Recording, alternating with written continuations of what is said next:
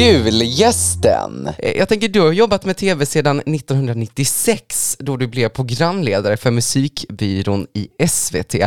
Eh, hur kom det sig att du eh, började på tv? Oj, det är ju för att jag hade ända sedan jag var liten drömt om att bli skådespelare.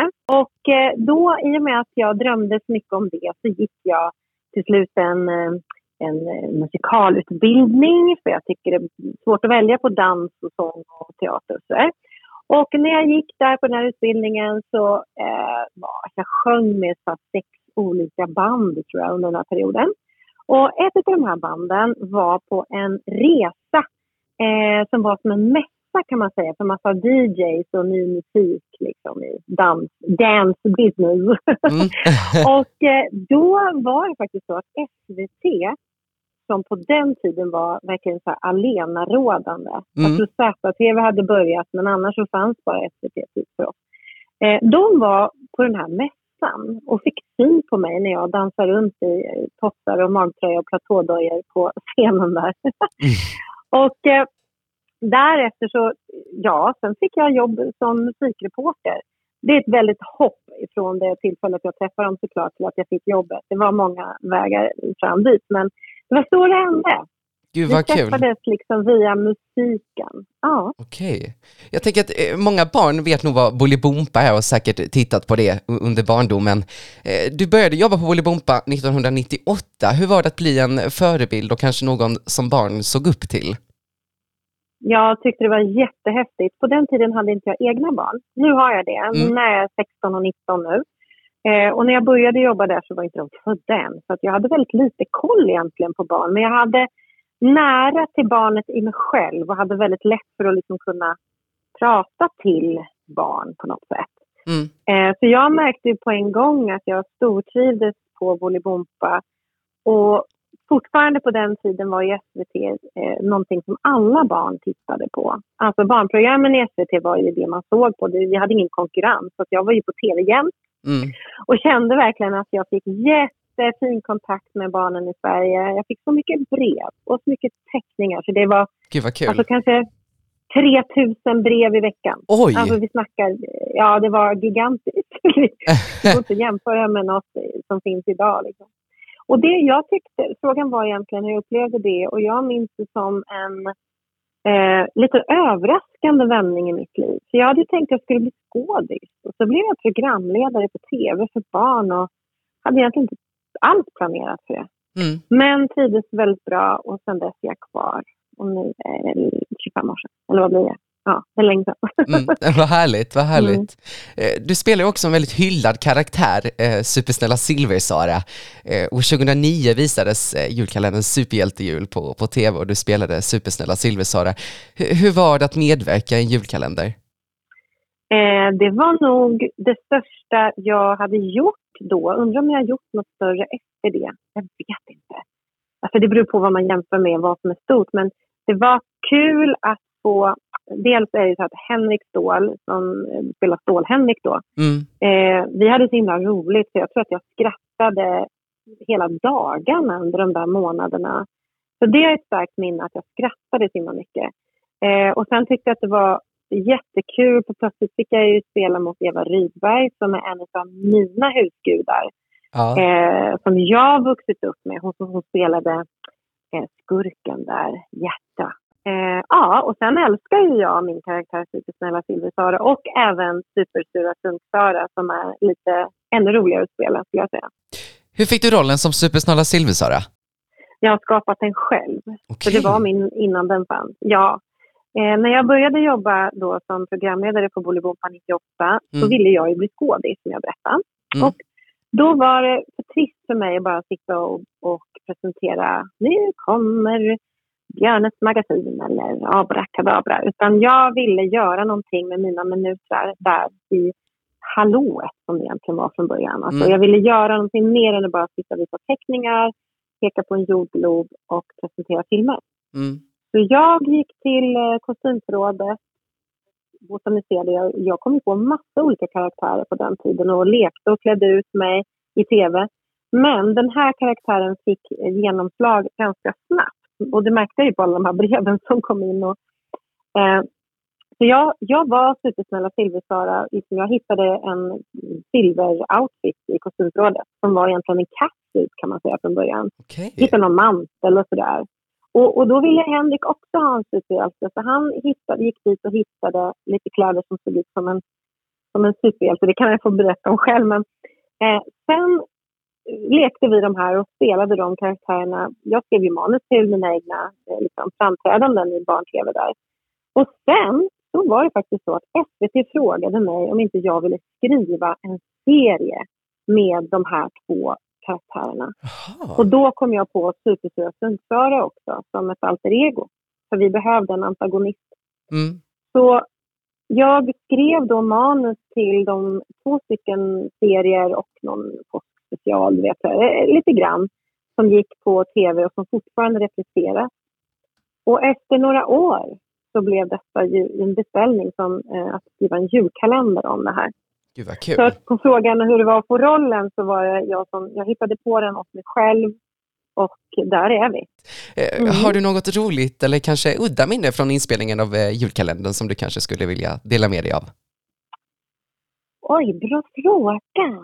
Mm, jag har inte funderat så mycket på... Det finns säkert, alltså du vet alla de här olika karaktärerna som Anna Slabet och alltså, jag tyckte det var väldigt kul att göra musikalnumren. Mm. Eftersom jag kommer därifrån, jag har ju också skrivit tillsammans med eh, musiker och en producent musiken till julkalendern. Uh, och då tänker jag liksom att, själv, att göra koreografi, alltså att, att göra musikalnumren var jättekul. Men nej, men det var väl... Och sen, du vet, vi var ju i 75-årsåldern i vissa delar av julkalendern. Jag vet inte om du minns det, men Supersnälla Silversör och Stålhännik har liksom blivit pensionärer och har ett barnbarn. Ja, jag minns eh, eh Me. Megavega och Supernova. Ja, just mm. det. Just det. Ja, mm. och det minns jag väldigt tydligt att på morgnarna, vi var inte gamla i hela serien så att säga, men under en viss inspelningsperiod så hade vi smink varje morgon. Mm.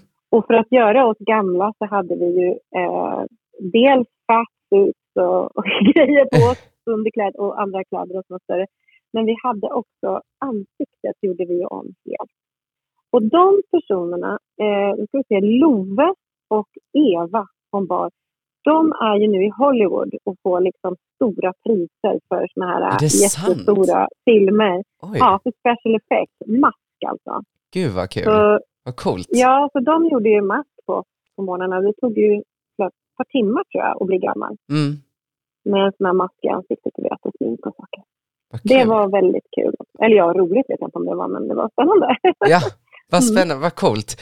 Eh, du har gjort mycket tv genom åren och både programlett och, och skådespelat.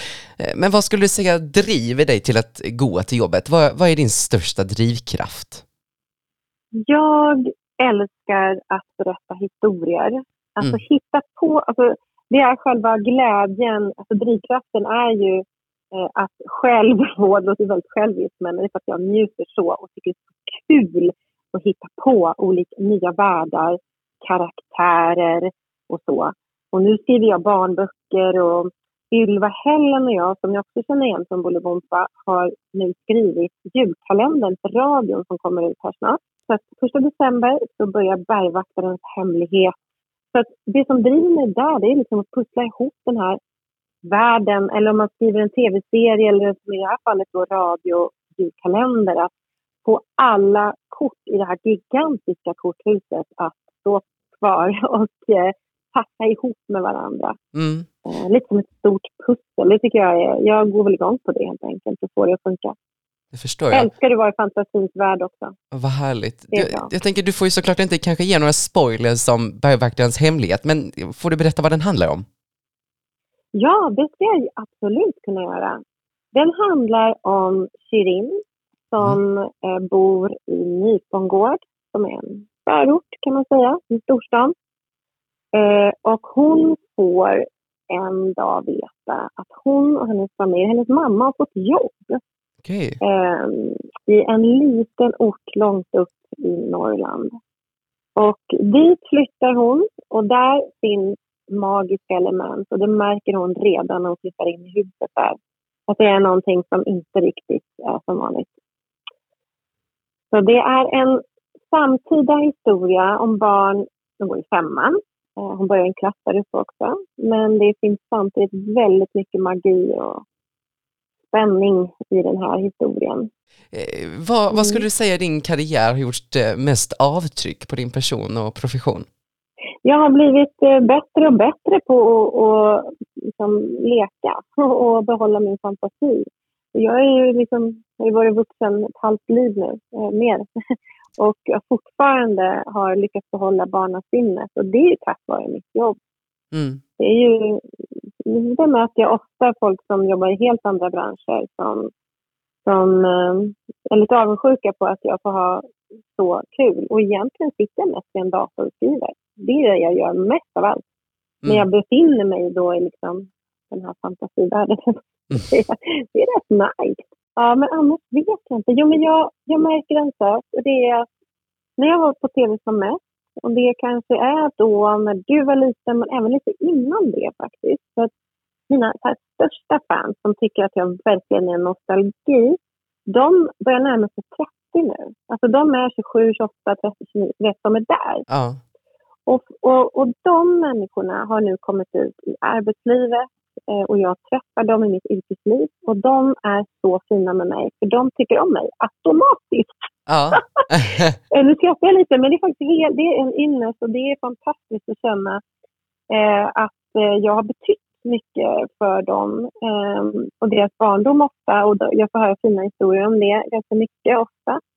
Och det såklart påverkar mig, att jag blir väldigt ödmjuk inför allt det som jag liksom, alltså hur man påverkar barn och mm. det tycker jag. Du, du, är också den första svenska rösten till, till Siri.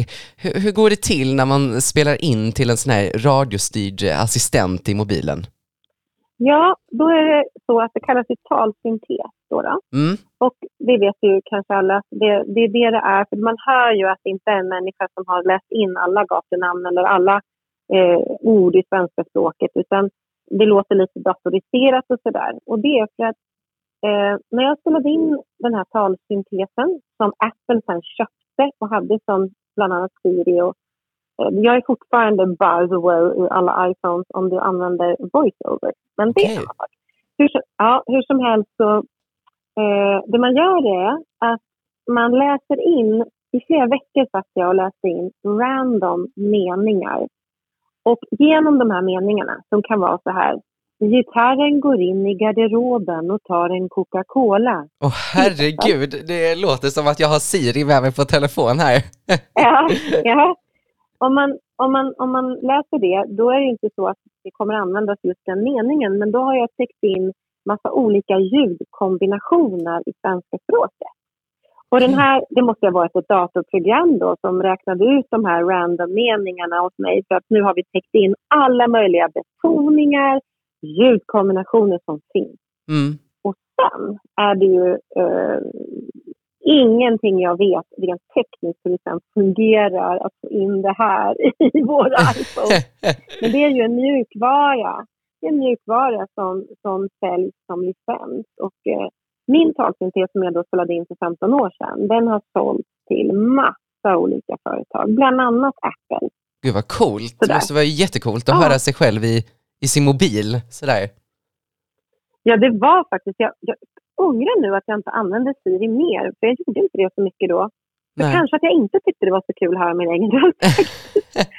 jag, tror inte, jag vet inte, gillar man att höra sin egen röst? Nej, det gör man inte. Kanske Nej. inte när det går överstyr om man säger så. Nej, precis. Fast däremot så tycker jag att det, var, det, var, det är väldigt kul. Alltså det är som ett partytrick. Jag är ofta så när jag sitter i någon bil så hör jag att det är jag som pratar i bilens GPS till exempel. Det var kul, det är perfekt så här prank typ. ja, jag vet. Om jag var lite, lite, hade lite mer energi för det där så skulle jag säkert kunna hitta på massa pranks. Men jag kul. brukar sitta bredvid och snacka med GPSen. Speciellt om det är någon som kör som, eller som sitter med mig i bilen som inte vet om att det är jag. Då brukar jag tycka att det är väldigt kul att prata bredvid som GPS-rösten gör. Liksom. Kul. Du, kul. Tusen tack för att du ställde upp på en intervju. Ja, men Lo, det var bara trevligt. Vad kul härligt. att du har den här Ja men vad härligt. kanalen. Ja men det är ja. så kul faktiskt. Och så önskar jag dig ja. stort lycka till i ditt fortsatta arbete. Ja, men detsamma. Och puss och kram till alla som lyssnar. Ja. Ha det så bra Sara. Hej då. Ja, hej då. Hej, hej.